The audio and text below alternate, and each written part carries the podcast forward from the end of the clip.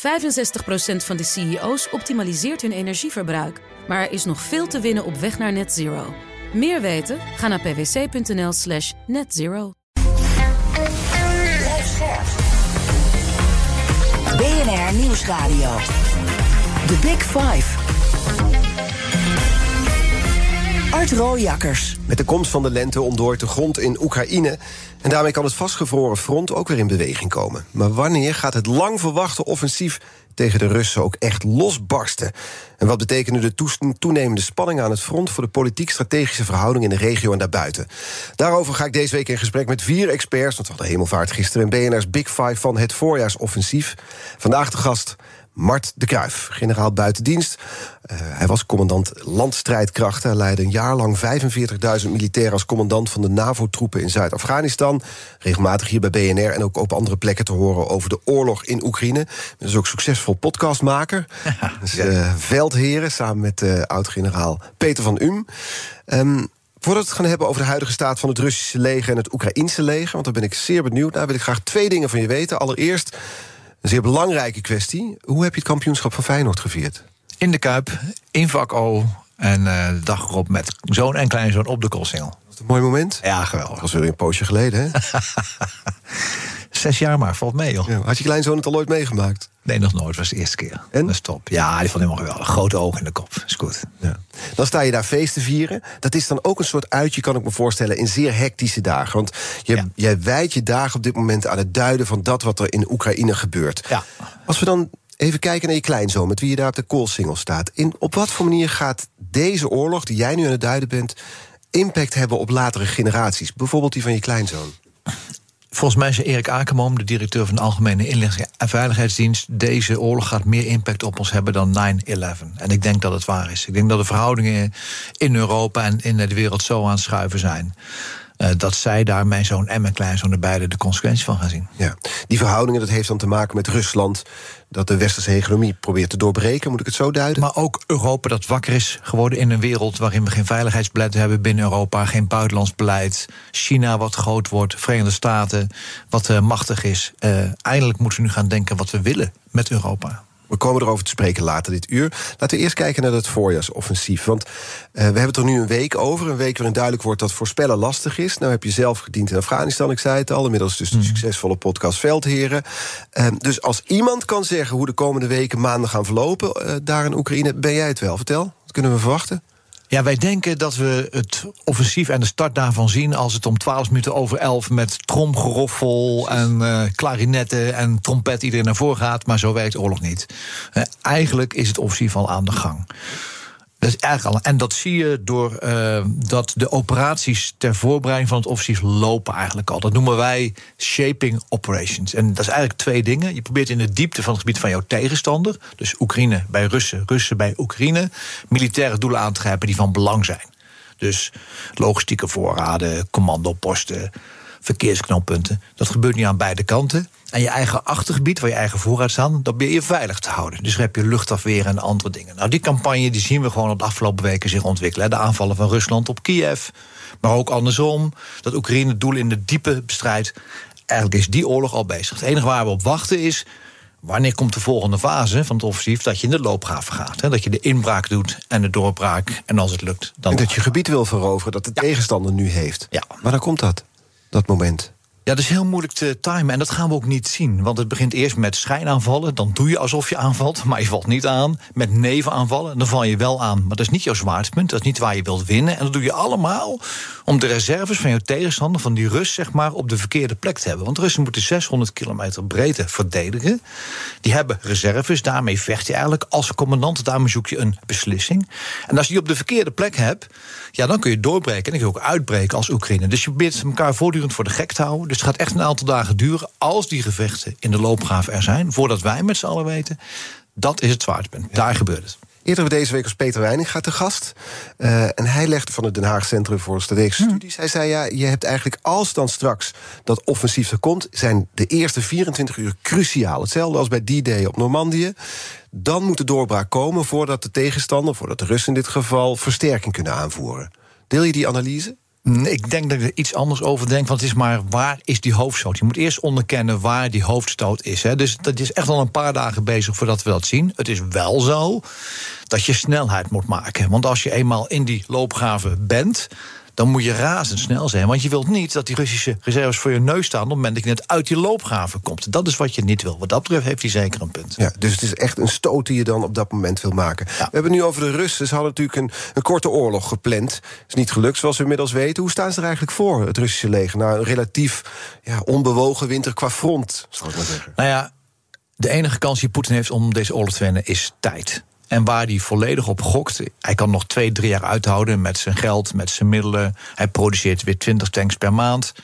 Hij probeert zijn leger op te bouwen en sterk te houden. En hij hoopt dat het Westen door de knieën gaat. Dat wij zwak worden. Dat die grote bedragen, miljarden per maand aan economische steun aan Oekraïne. Dat we dan zeggen, nou daar stoppen we mee, van het houden niet vol. Met de economische crisis die eraan staat te komen. Dus rekken, rekken is het wat de Russen betreft. Rekken, de militaire steun. Hè, hou ze niet vol.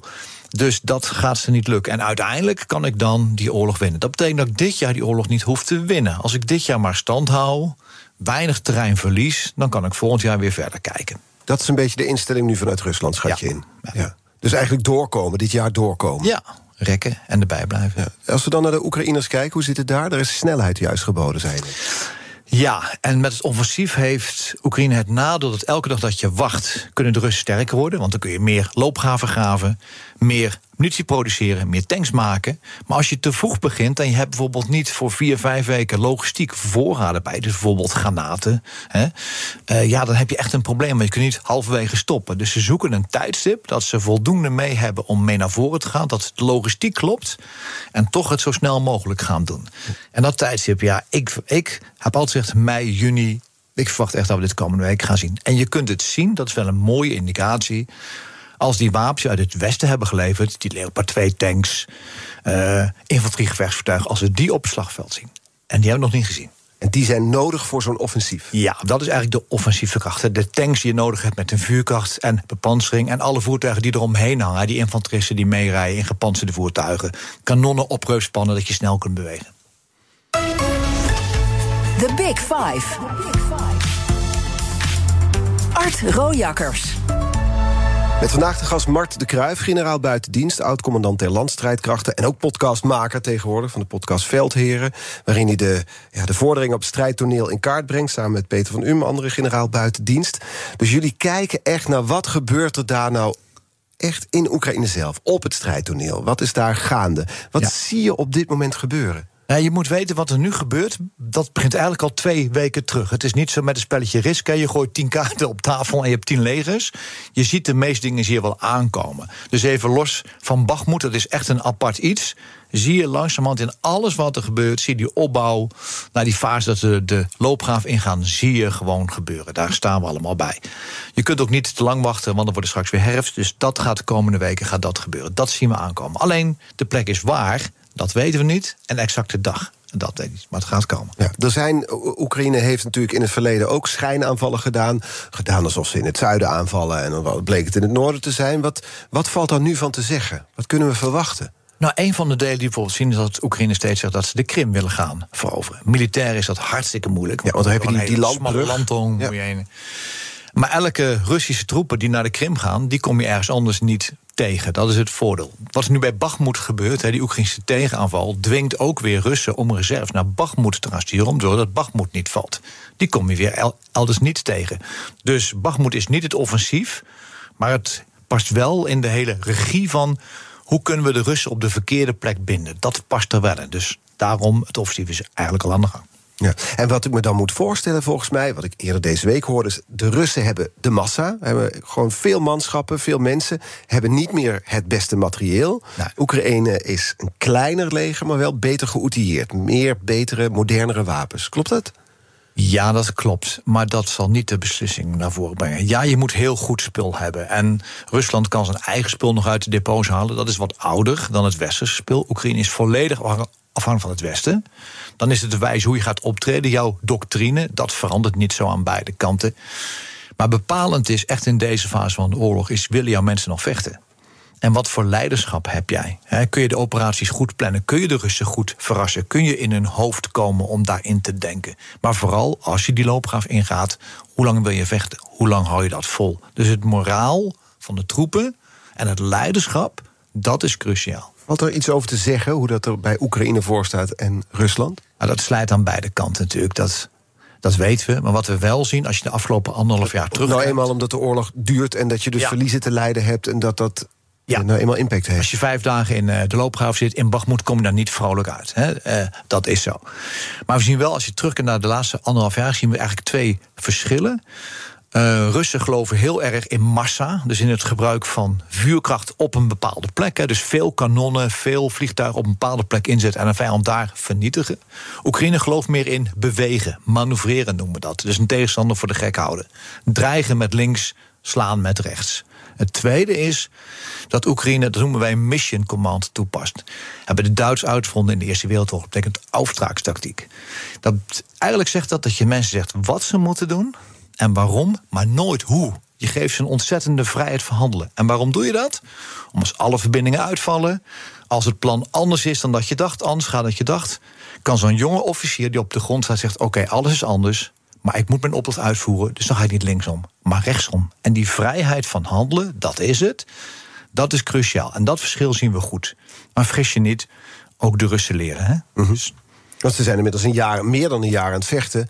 Sinds 24 februari vorig jaar. Dus het Russische leger dat nu in Oekraïne aan het vechten is, is een heel ander soort leger dan een jaar geleden. Dat is een ander soort leger. En dat zien de we. verschillen? Nou, dat zien we in de doctrine waarin ze willen vechten. Bijvoorbeeld een jaar geleden gingen ze met 12 tanks een dorp in. Er zat geen infanterie bij, er zat niks bij. Ja, Stonden ze daar stil op die wegen? We kennen al die de, wegen. Hè, ben je hartstikke kwetsbaar. En we zien nu dat ze anders oefenen. Dat doen ze trouwens vooral in Wit-Rusland. Er zijn nog oefentreinen, er zijn kaderleden, daar oefenen ze, daar leren ze van. Je ziet ook dat ze alle troepen onder één hoofdgeleiding hebben gezet. Dat werkt niet altijd, maar die Gerasimov die is nu de baas en die controleert eigenlijk alles los van de Wagnergroep. Dat is een apart verhaal. Dus dat hebben ze ook geleerd. En je ziet dat ze op de grond ook wat anders optreden. Bijvoorbeeld bij Bachmoed uh, gingen ze niet meer aanvallen met grote eenheden, maar met groepen van 100 man die dan loopgraaf voor loopgraaf moesten aanvallen. Ja, dat, maar daar hoorden we eerder deze week ook over. Maar dat is eigenlijk gewoon iets wat je uit de Eerste Wereldoorlog kent. Ze werden niet ondersteund door nou ja, bijvoorbeeld panzervoertuigen, maar gewoon lopen, rennend, een menselijke golf. Ja. Naar menselijke golf, naar menselijke golf. En die dan eigenlijk een dood tegemoet leken te rennen. Ja, mensen vragen wel eens waar vecht nog in loopgraven. Maar als je als leger zegt, als Oekraïns leger zegt: luister, ik verdedig elke meter van mijn grond, ongeacht de prijs die het kost. Ongeacht de prijs, ja, dan zit je in een loopgraaf. En dat was 100 jaar terug, maar de Eerste Wereldoorlog, dat is nu zo. Zal over 100 jaar nog zo zijn. Want uiteindelijk gaat oorlog tussen mensen en is het landje pik. Is dat de meest bloederige vorm van oorlog waar je daar naar kijkt? Nou, dat is natuurlijk moeilijk te zeggen. Als je een kernwapen inzet, dan is ook bloedig natuurlijk. En gelukkig hebben we dat niet gezien. Maar het is wel dat gevecht van man tegen man. Ze noemen dat dat nabijgevecht. Nou, we kennen de boeken in Westen niets noois. We kennen de film ook. Dat is wel voor soldaten de meest uitdagende vorm van vechten. Het is niet op een afstand op een knopje drukken en een doel zien. Het vergt alles van je, fysiek en mentaal. Ja. Hoe lang zit je eigenlijk in zo'n loopgraaf als soldaat? Uh, dat wisselt heel, heel erg. Uh, we weten dat het Oekraïns leger ongeveer vijf dagen de mensen in een loopgraaf zet en ze dan eruit haalt. Ik denk dat de Russen dat niet veel anders doen, maar dat weten we niet. Het kan ook bijna niet anders, want je slaapt weinig, je eet weinig, je drinkt weinig, je zit voortdurend onder een druk. Dus je kunt dat niet in het oneindige volhouden. Nee, en dan, dan worden ze afgewisseld en dan uiteindelijk komen ze weer, weer terug. Zo ja, een mooi voorbeeld is uh, de Gebberg in eigen land in 1940. En na drie dagen vechten was de slag daarover. En mhm. alle soldaten aan beide kanten, Duits en Nederlands, die waren helemaal niet meer inzetbaar op, op geen enkele manier. Die waren klaar. Ja, en niet meer inzetbaar betekent omdat je gewoon te veel gezien hebt en te veel mee hebt gemaakt. Je bent niet meer operationeel. Ja, honger, dorst, slapen, tekort, shock. Wat je hebt gezien, uh, gewond, geraakt. Uh, nogmaals, niet inzetbaar, fysiek en mentaal. Niet meer inzetbaar. Ja. We kunnen ons er geen voorstelling van maken van hoe dat moet zijn in Bachmoed, hè? En maar, Bijvoorbeeld. Militairen weten een beetje wat het is en zijn daarom zo tegen oorlog. En zij weten dat het enige middel tegen oorlog is afschrikking. Hè. Dat, is, dat, is, dat zit in onze genen. Want je gunt niemand dat je moet meemaken wat is om in een loopgraaf te vechten. Dat nee. je niemand. Want probeer het toch eens te omschrijven hoe dat moet zijn voor zo'n jonge man die daar in zo'n loopgraaf zit. Ja, doodsangst. He, doodsangst. Uh, pissing their pants. Letterlijk in je broek plassen uh, van angst, omdat je niet weet wat er gebeurt. Totaal geen idee waar de vijand zit, want je kunt hem niet zien. Waar je eigen buddies zitten, wat gebeurt er allemaal links en rechts van je. Je oren suizen van de luchtdruk, van de granaten, van uh, de blas. Je hoort van alles, maar je kunt het niet duiden. Dus er gebeurt voor alles om je heen. Adrenaline giert door je lichaam. En na 20, 30 minuten is dat afgelopen en dan stort je helemaal in elkaar. En, en dan moet je weer helemaal bijkomen. Wat is hier nou gebeurd? En dan zie je dat bijvoorbeeld jouw maatje naast je... dat hij er niet meer is of die gewond is geraakt. Ja, bijna niet voorstellen wat met iemand doet. Nee, het is inderdaad niet voor te stellen. Je noemde net in een bijzin, we hadden, ik vroeg wat is dit de meest bloederige vorm? Zei nou, we hebben nog niet over kernwapens gehad... die gelukkig niet ingezet zijn. Is de kans daarop nog steeds aanwezig? Op, dat wordt dan een tactisch nucleair wapen genoemd? Ja, ik denk het niet. Maar ik kan nooit zeggen nul, want een tactisch nucleair wapen is ook een nucleair wapen. Kijk, voor mij, en er zijn mensen die er anders over denken, maar voor mij is de inzet van een kernwapen als zwanger zijn. Je bent zwanger of niet, je zet een kernwapen in of niet. Ja. Het is groot of het is niet groot, er is geen tussenvorm. Als je een kernwapen inzet, heeft dat niet alleen een effect op het slagveld, maar is het eigenlijk ook de deur open voor andere landen om kernwapens te gaan gebruiken, hè, die ook kernwapens in ontwikkeling hebben of al hebben dan faalt afschrikking in zijn geheel. En ik denk dat niemand dat zal accepteren of wil accepteren. Ook niet als eh, Rusland te weinig vorderingen maakt, te veel in de hoek gedreven wordt. Stel, er is een, een offensief, dat offensief wat in mei, juni gaat losbarsten, wat je zegt, is succesvol. Ja, en katten het nou met een vinger boven een rode knop maakt, drukt soms gekke ja, knop in. Dat is het onberekenbare. Aan de andere kant zijn er wel heel veel signalen dat bijvoorbeeld China heeft eh, gezegd van je mag alles doen wat je wilt, maar dat gaan we niet doen. En Rusland is gelukkig maar erg afhankelijk van China als je praat over inkomsten van gas en olie. Ja, dat is de, de grote broer, zullen we maar zeggen. Um, we gaan eens naar de kettingvraag toe. Die wordt je gesteld door Sabine Mengelberg, universitair docent aan de Nederlandse Defensieacademie. Jullie kennen elkaar. Uh, ze had deze vraag voor jou. Nou, we hebben het in dit programma even gehad over uh, Nederland en de Nederlandse uh, ommezwaai. Ehm, en ook op nationaal gebied gebeurt er heel veel. Uh, Nederland voldoet hoogstwaarschijnlijk uh, dit jaar aan die 2%-norm. Maar ik ben heel benieuwd hoe uh, Marten Kruijf met al zijn ervaring daartegen aankijkt. Maakt Nederland de juiste keuzes nu ten aanzien van defensie? nationaal in de opbouw van defensie? leren we de juiste lessen van de oorlog in Oekraïne voor de Nederlandse krijgsmacht? Uh, en zo ja, ben ik benieuwd uh, welke dat zijn. Maar als er een zo nee is, dan ben ik ook heel benieuwd welke lessen hij zou zien voor de Nederlandse krijgsmacht en de Nederlandse politiek. En naar aanleiding van de oorlog in Oekraïne. Ja, dus leren we de juiste lessen? Nee. Dat is een kort bondig antwoord. Dankjewel, Martin nee. Ja. Nee, maar ik weet dat volgens mij december 2020 minister Bijleveld zei... de krijgsmacht kan haar grondwettelijke taken niet uitvoeren. En dat is eigenlijk een verantwoordelijkheid van het parlement. En iedereen ging vrolijk verder. Dus het is wel schokkend dat je zo'n oorlog nodig hebt om te erkennen dat je iets fundamenteel fout hebt gedaan. Het is niet de eerste keer in de geschiedenis. Want die taken konden niet uitgevoerd worden door alle bezuinigingen, door het gebrek aan materieel. We hebben niks meer, hè? Schappen zijn leeg, geen reservedelen. We hebben geen tanks meer, minder vliegtuigen, minder schepen. Ja, dat werkt niet echt. Het is ook niet nieuw, hè? want voor de Tweede Wereldoorlog was het zo. Toen de Fransen kwamen, eind 18e eeuw was het zo. In 1672 was het zo. Dus we gaan pas handelen als het te laat is. En, en dat is iets wat wel consistent in onze geschiedenis, in onze genen zit. Dat is één. En het tweede is, natuurlijk ben ik blij dat er meer geld naar defensie gaat. En dat we meer Joint Strike Fighters krijgen. Berichten in de krant dat we meer tanks krijgen. Dat is allemaal nodig. Daar ben ik blij mee. Alleen, je moet even nadenken, hoe komt het nou dat we steeds een krijgsmacht hebben die niet kan wat ze zou moeten doen? En dat zit niet alleen in de politiek, en het geldt maar ook in het, in het bestuur. He, want heel simpel, als je naar het ziekenhuis gaat en je wil aan je voet worden geopereerd, dan ga je naar een orthopeed en voor je huis ga je naar een neuroloog. Dus een ziekenhuis werkt met een algemene directeur, dat zou de minister van Defensie moeten zijn. Die mhm. zegt: Dit moeten we kunnen. Met de geneesdirecteur, dat zou de commandant der strijdkrachten moeten zijn. Die zegt: Nou, als je dit moet kunnen, moeten we dit medisch kunnen. En die vertaalt dat in de specialisten. Hè? Ja, dat doen wij niet. Bij ons wordt alles centraal beslist door de staf van het ministerie. Zelfs de commandant der strijdkrachten heeft niet eens meer een beleidsmatige rol. Ja. Dat werkt dus niet. En dat gaat ook niet werken de komende tien jaar. Dus dat is de les die geleerd moet worden. Nou, het cynische is dat als je nou even gaat evalueren... die capaciteit die we hebben afgeschaft de afgelopen tien jaar... om die nu weer te herstellen, kost je veel meer geld. Ja. Dus de business case werkt ook niet. Het kost ook gewoon ons geld. Soldaten mogen niet staken, hè? Nee, en terecht. Ja, maar ja, als dat was gebeurd, als je hier op de snelweg was gestaan met een tank... Ja. En niet met de tractor, misschien was het dan niet zo bezuinigd. Nee, maar soldaat is het enige beroep die niet mag staken... en de opdracht niet mag weigeren, en dat is ook terecht. Okay. Ik praat zo verder met Marten Kruijf, generaal buitendienst... en oud-commandant der landstrijdkrachten. Blijf luisteren. 65% van de CEO's optimaliseert hun energieverbruik. Maar er is nog veel te winnen op weg naar net zero.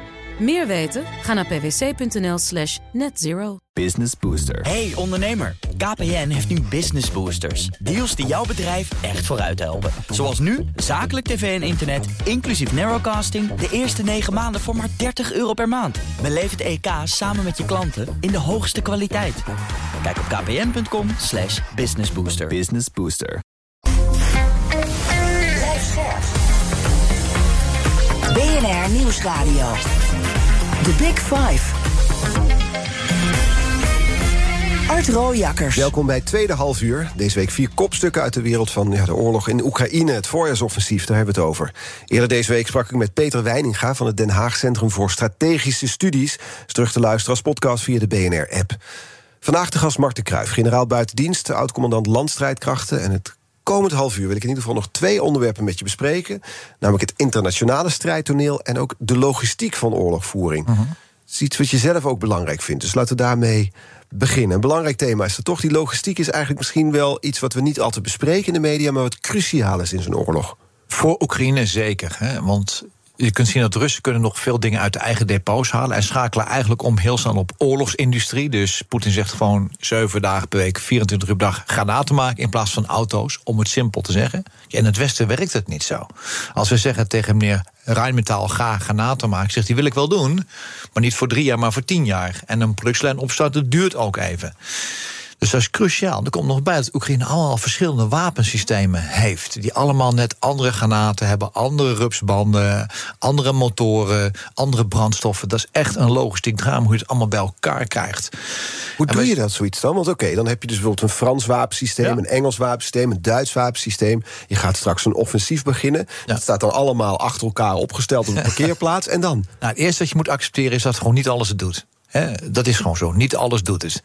Het tweede is dat je een enorme logistieke basis moet hebben. En die zit vooral in Polen en de Baltische Staten. En zeg maar alles wat je kunt herstellen, doe je eigenlijk daar. Hè. Dus met zo min mogelijk afstand van het front, maar wel veilig. En wat je bijvoorbeeld nu ziet, is dat eh, Rijnmetaal gaat een fabriek bouwen in Oekraïne. Waarbij ze bijvoorbeeld in de toekomst tanks kunnen bouwen of tanks kunnen herstellen. Dus in de toekomst ben je ook al bezig om zeg maar, meer capaciteit op Oekraïnse grond te gaan creëren. Om te zorgen dat je daar ook kunt gaan bouwen. Maar logistiek is ook geneeskundige afvoer. Dat vergeten we wel eens. Hè. En eh, voor Oekraïne is dat relatief simpel.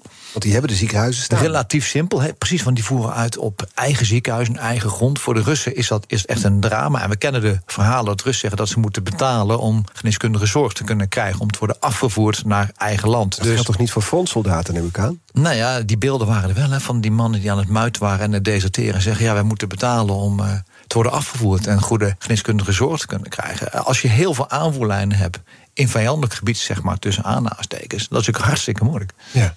Maar dus, er komt, ik probeer toch een kaart te brengen. We hebben een voorjaarsoffensief, daar hebben we het over. Ik zie dan toch voor me een soort, misschien is het ouderwets gedacht... maar een kolonne met voertuigen, met manschappen eromheen... en die gaan op een gegeven moment ergens toeslaan. Ja. Daarachter zit een heel achterland Ja. met logistieke ondersteuning. Met alles, met reservedelen, met granaten, met, met eh, brandstof, met geneeskundige afvoer.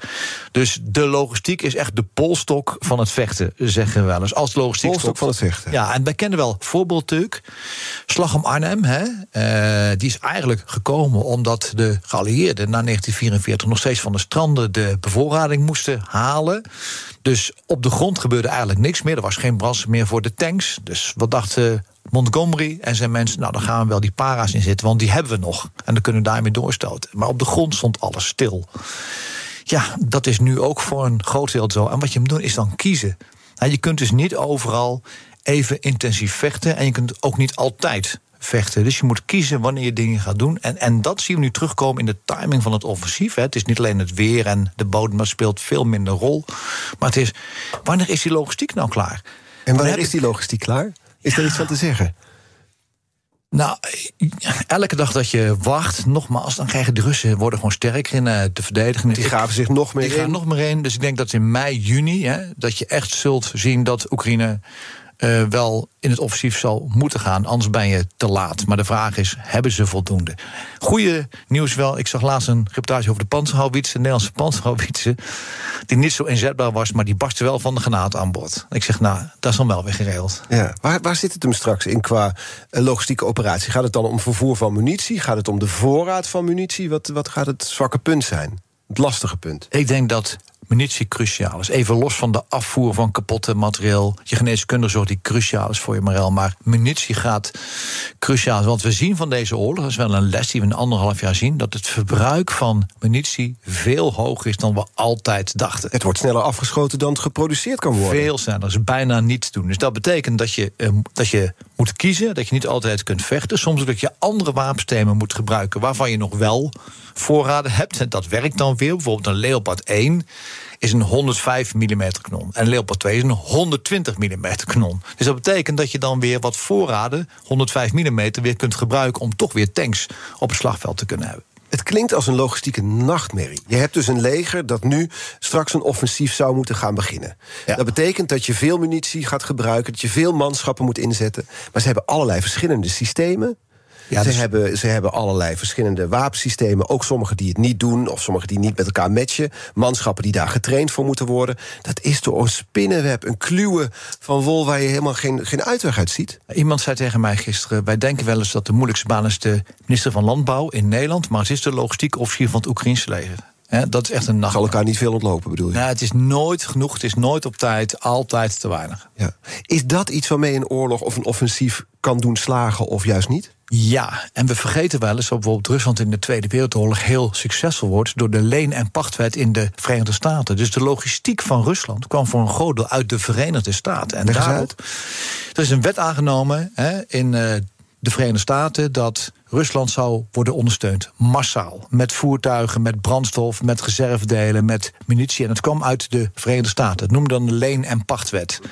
En die is cruciaal geweest voor het functioneren van het hele grote Russisch leger in de Tweede Wereldoorlog. Ook een logistieke oorlog was dat. En daarna zagen we dat waar de Russen en de Amerikanen instaken op massa. Dus heel veel tanks produceren van één type. Misschien niet zo'n goede tank. Gingen Duitsers nog steeds voor kwaliteit. Maar daardoor konden ze niet veel tanks maken. En de tanks die ze hadden waren eigenlijk zo nieuw dat ze nog niet eens operationeel waren. Dus ook daar zag je wel een verschil. Duitsland heeft die oorlog mede verloren door die verkeerde logistieke keuzes. Nou hebben we het de hele tijd over grond. Het is een grondoorlog tot nu toe. Ja. Uh, Zelensky heeft een hele Europese tour gedaan. Blijft ook vragen om uh, F-16's. Gaat hij die krijgen en gaat dat dan het verschil maken? Ja, dat is een hele goede vraag. En eerlijk gezegd weet ik het antwoord niet. Kijk, je weet dat een vliegtuig dat wordt neergeschoten... kun je niet zomaar vervangen. Dat geldt voor de Russen, maar die hebben een hele grote luchtvloot... Hè, waarvan deel nog niet zijn ingezet. En het geldt voor Oekraïne, en die hebben eigenlijk niks. Dus die kunnen nu nog gebruik maken van MiG-29. Dat zijn oude vliegtuigen van het Warschau-pact... die ze uit Polen krijgen en uit Tsjechië krijgen. Maar wat gebeurt er daarna? Hoe kun je je eigen grondgebied verdedigen? Want je luchtafweer kan niet overal zijn. Daar moet je wat mee doen. Als de Russen jouw doorbraak gaan aanvallen... waar je door die loopgraaf gaat met vliegtuigen... moet je dat kunnen verdedigen. Je hebt dus vliegtuigen nodig. Hè? Dus dat is belangrijk. Je moet gewoon zeg maar, kisten hebben... die jou kunnen verdedigen en offensief kunnen optreden. Nou, die zijn er niet en die worden er steeds minder. Dus moet je gaan nadenken, wat dan? Nou, dan komt de F-16 komt in beeld. Alleen het probleem met de F-16 is, het is een Amerikaans vliegtuig.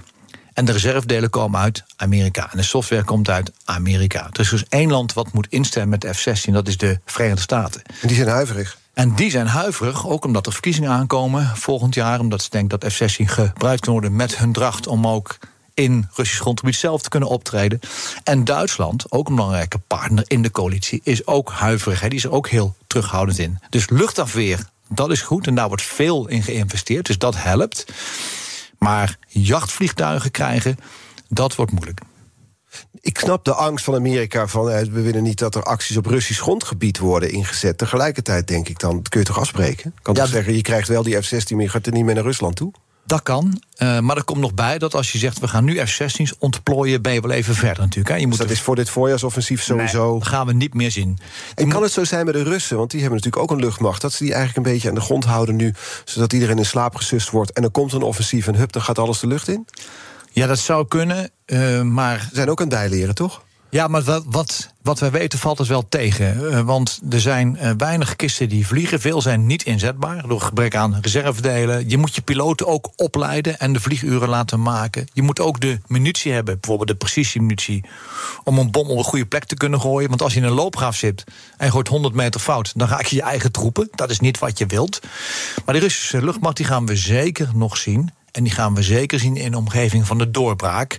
En zeker zien, zoals nu gebeurt, om te kijken of je die opmars van Oekraïne zoveel mogelijk kunt verhinderen in de diepte van Oekraïns gebied. Dat gaat zo blijven. We hadden het al over Amerika. En dan komen we op het internationale aspect van deze oorlog uit. Want uh, ik citeer nu het de Amerikaanse denktank Institute for the Study of War. Uh, die trekken een vrij duidelijke conclusie in een recent rapport. Zeggen de doelen van de Russen blijven onverantwoord. Het overnemen van Oekraïne en andere staten, zoals Moldova en Belarus. En het neutraliseren van de NAVO, het ondermijnen van de Verenigde Staten. Is dat een uh, terechte ja, terechte conclusie die ze daar trekken? Zolang Poetin aan de macht blijft en die oorlog kan blijven voeren, hebben ze voorkomen gelijk. Maar dan is het, gaat het dus veel verder dan uh, ja. alleen Oekraïne. Ze willen de westerse heerschappij doorbreken. Ja, dat heeft Poetin eigenlijk altijd uh, gezegd. Die wil terug naar het oude territorium, het grote Russische Rijk. En, en voor een groot deel heeft hij dat al. Dat vergeten we wel eens. Maar Rusland wil bijvoorbeeld altijd een haven aan de Middellandse Zee. Waarom? Dan hoef je niet meer door de Bosporus te varen naar de Zwarte Zee. Die hebben ze inmiddels. Ze zijn al jaren bezig, decennia eigenlijk, sinds Poetin er is, met een politiek van expansie. Dat zijn ze aan het doen. Dus ze reageren niet op Oekraïne omdat NAVO dichtbij komt. Nee, het is een bewuste politiek om gewoon meer invloed te krijgen en weer wereldspeler op het wereldtoneel te worden. Dat is ook de reden waarom je het eens bent met Erik Akerboom dat deze oorlog in Oekraïne meer langer effect zal hebben dan 9-11. Ja, de komende generaties. En het gaat nog verder als Poetin aan de macht blijft. En hij kan zijn basis, zijn, zijn industrie weer gaan herstellen. En je leert van je fouten. De geschiedenis laat zien wat een leger dat een oorlog verliest vaak de volgende wint. Hè, omdat je leert van je fouten. Um, en Oekraïne komt tot een soort stilmeet. Ja, wat gebeurt er dan met de Baltische Staten? Die maken zich zorgen of NAVO een derde wereldoorlog gaat beginnen... omdat een Baltische staat wordt aangevallen. Daar zijn ze echt bang als je daar komt. Dus als we praten bijvoorbeeld over 2% bij defensie... Ja, dat, dat, kan nooit een dagkoers zijn. Dat moet je structureel en langdurig zijn. En niet in een dagkoers zetten, want dat werkt niet. We gaan er zo verder over spreken. 65% van de CEO's optimaliseert hun energieverbruik. Maar er is nog veel te winnen op weg naar net zero. Meer weten? Ga naar pwc.nl slash netzero. Business Booster. Hey ondernemer, KPN heeft nu Business Boosters. Deals die jouw bedrijf echt vooruit helpen. Zoals nu, zakelijk tv en internet, inclusief narrowcasting... de eerste 9 maanden voor maar 30 euro per maand. Beleef het EK samen met je klanten in de hoogste kwaliteit. Kijk op kpn.com slash businessbooster. Business Booster. BNR Nieuwsradio. The Big Five. Art Rojakkers. De Big Five hebben we deze week over het voorjaarsoffensief in Oekraïne. Eerder deze week sprak ik bijvoorbeeld met Nicolaas Kraft van Ermel... Rusland-Oekraïne-historicus... verbonden aan het Nederland-Rusland Centrum... van de Rijksuniversiteit Groningen. Is terug te luisteren via bnr.nl en de bekende podcastkanalen. Vandaag de gast Mart de Kruijf, generaal buitendienst... oud-commandant landstrijdkrachten. We hadden het al over het internationale aspect van deze oorlog. China is een paar keer voorbijgekomen. Wat is nu de rol van China in deze oorlog? Hoe moeten we die zien? Met een mooi woord noemen ze China wel een fence-zitter. Iemand die zit op het hek en die kan nog bepalen of hij links of rechts eraf springt. Hè? Aan de ene kant steunt China Rusland, soms ook politiek, in de Veiligheidsraad, in de VN, niet altijd. Uh, soms ook met onderhandelingen uh, en soms ook zit ze iets aan de andere kant. Zeggen ze, nou, Rusland moet oppassen. Wij gaan praten met Oekraïne en kijken of we tot een vredesakkoord kunnen komen. En dat, en, en dat zit in de genen van uh, China. Want één, als ze zich uitspreken voor de Russen, krijgen ze heel veel over zich heen. En dat willen ze niet, dat kunnen ze niet permitteren op dit moment. En het tweede is, China is van huis uit heel geduldig. Dus die gaan kijken wat er gebeurt. Wat is het belang van China? Het belang van China is, is, is eigenlijk dubbel. Want aan de ene kant zijn ze nu de grote broer van uh, Rusland. Dat vinden ze prima. Maar Rusland kan ook niet een te kleine broer worden. Hè? Want het is toch een soort broederland, een soort bufferstaat ook. Die je kunt hanteren en die niet te klein moet worden. Dus er zit een beetje dubbel belang achter. Ze willen ook goede verhoudingen met het Westen. Ja, en dat moet ook wel. En dat is ook waar ze zo terughoudend zijn. Want ze zijn zo afhankelijk van wereldhandel. Gelukkig maar. Hè, en dat wil zeggen dat je vrije toegang moet hebben tot de markt van het Westen. Als dat in gevaar komt, de interne markt in China is te klein om te blijven groeien. Dan hebben ze een probleem. Mhm. Maar dus het is eigenlijk afwachten hoe, hoe ver Rusland mag gaan van China. Ja, maar als we ooit tot een politiek akkoord moeten komen, dan gaat China wel een cruciale rol spelen. Want die kunnen Rusland beïnvloeden. En de Verenigde Staten kan Oekraïne beïnvloeden. Dat zijn wel de twee landen die een belangrijke sleutel in handen hebben om ooit tot een soort van akkoord te komen. Ja. Aan de andere kant heb je eh, Amerika. Nou, dat zit niet op het hek, maar dat, dat levert veel wapens. Dus dat is wel eh, van het hek afgesprongen, zal ik maar zeggen. Je hebt de NAVO. Ja. Gaat de bemoeienis van, van de NAVO van de VS ver genoeg in jouw ogen? Nou ja, NAVO en Europese Unie uh, daar kun je van zeggen veel, maar dat gaat heel ver. Hè, wat de landen van NAVO leveren, maar ook de uitbreiding met Finland en met Zweden is natuurlijk wel een historisch iets meeste zorgen ik maken over de Verenigde Staten. En wat daar gaat gebeuren met de verkiezingen volgend jaar. Hè? Want uh, Trump heeft zich uitgesproken dat hij toch echt anders in deze oorlog staat dan uh, tot nu toe. Uh, nou, en dat helpt natuurlijk niet. Helpt het Westen niet. Helpt Poetin natuurlijk wel. Om zegt, nou prima, weer een signaal. Dat als ik het maar lang genoeg volhoud. En een van de redenen waarom het dit jaar door moet komen. Ja, dan worden de bakens worden verzet. Dan wordt het beter voor mij. Ja. Dus dat, is, dat geeft eigenlijk onzekerheid aan die kant. Met andere ja. woorden, het is een kwestie van lange adem. Ja, en, en de cruciale vraag is ook. Wanneer worden wij in Europa wakker en wat willen wij doen? Want tot nu toe zijn we geen wereldspeler geweest. We hebben geen buitenlands beleid, we hebben geen militair beleid, we hebben heel weinig grondstof, weinig maakindustrie. En wij moeten eens goed gaan nadenken wat het betekent als China steeds machtiger wordt en de Verenigde Staten steeds machtiger wordt. Wat doen we dan binnen Europa? En wat we eigenlijk weer nodig hebben. je zegt, wanneer wordt Europa wakker? Op wat voor manier moeten we wakker worden? Nou, wat zou er moeten gebeuren? Na de Tweede Wereldoorlog hadden we mensen als Monet en Schumann en Adenauer, Duits en Frans. En die zeiden: Weet je, we hebben nu de oorlog in 1870 gehad tussen Frankrijk en Duitsland. We hebben toen de Eerste Wereldoorlog gehad die ermee verbonden was. En de Tweede Wereldoorlog die er ook weer mee verbonden was. Als wij die kloof tussen Frankrijk en Duitsland niet dichten hebben wij voor onze kinderen en kleinkinderen geen wereld meer. Want een derde wereldoorlog kunnen we ons niet voorloven. Waar het ook kernwapens waren gebruikt. Wat we eigenlijk nou weer behoefte hebben, is in Europa zeggen: ja, alles is goed. Maar we moeten nu heel hard gaan werken aan Europa. Dat een plaats kan innemen in het wereldtoneel. En niet meer afhankelijk is van anderen. Wel een bondgenoot van de VS, maar niet meer afhankelijk van de VS. En dat moet heel rap gebeuren. Macron doet zijn best op dat vlak. Macron, maar het vereist meer leiderschap dan Macron. Hè. Het eh, vereist ook weer het echte grote landen die meedoen. Verenigd Koninkrijk, Duitsland. En dat betekent dat je een deeltje van je autonomie moet opgeven. Nou, in dat opzicht is bijvoorbeeld het feit dat de drie grote gevechtsneden van de landmacht helemaal onder bevel staan bij Duitsland. Ja, dat is een heel goed teken. Daar ben ik hartstikke trots op dat we dat hebben gedaan. Want het laat eigenlijk zien, Nederland heeft geen andere belangen dan Duitsland in de toekomst. Wij trekken samen op. En dat is de way forward. Ja. Je noemde net die derde wereldoorlog. Die mocht niet komen, zeiden ze toen. Ook vanwege de inzet van nucleaire wapens. Is dit de opmaat naar een wereldoorlog? Veel mensen zitten met die vraag. Ja, als je, als je niet oppast, kan dat wel degelijk. Ja, Op wat voor manier?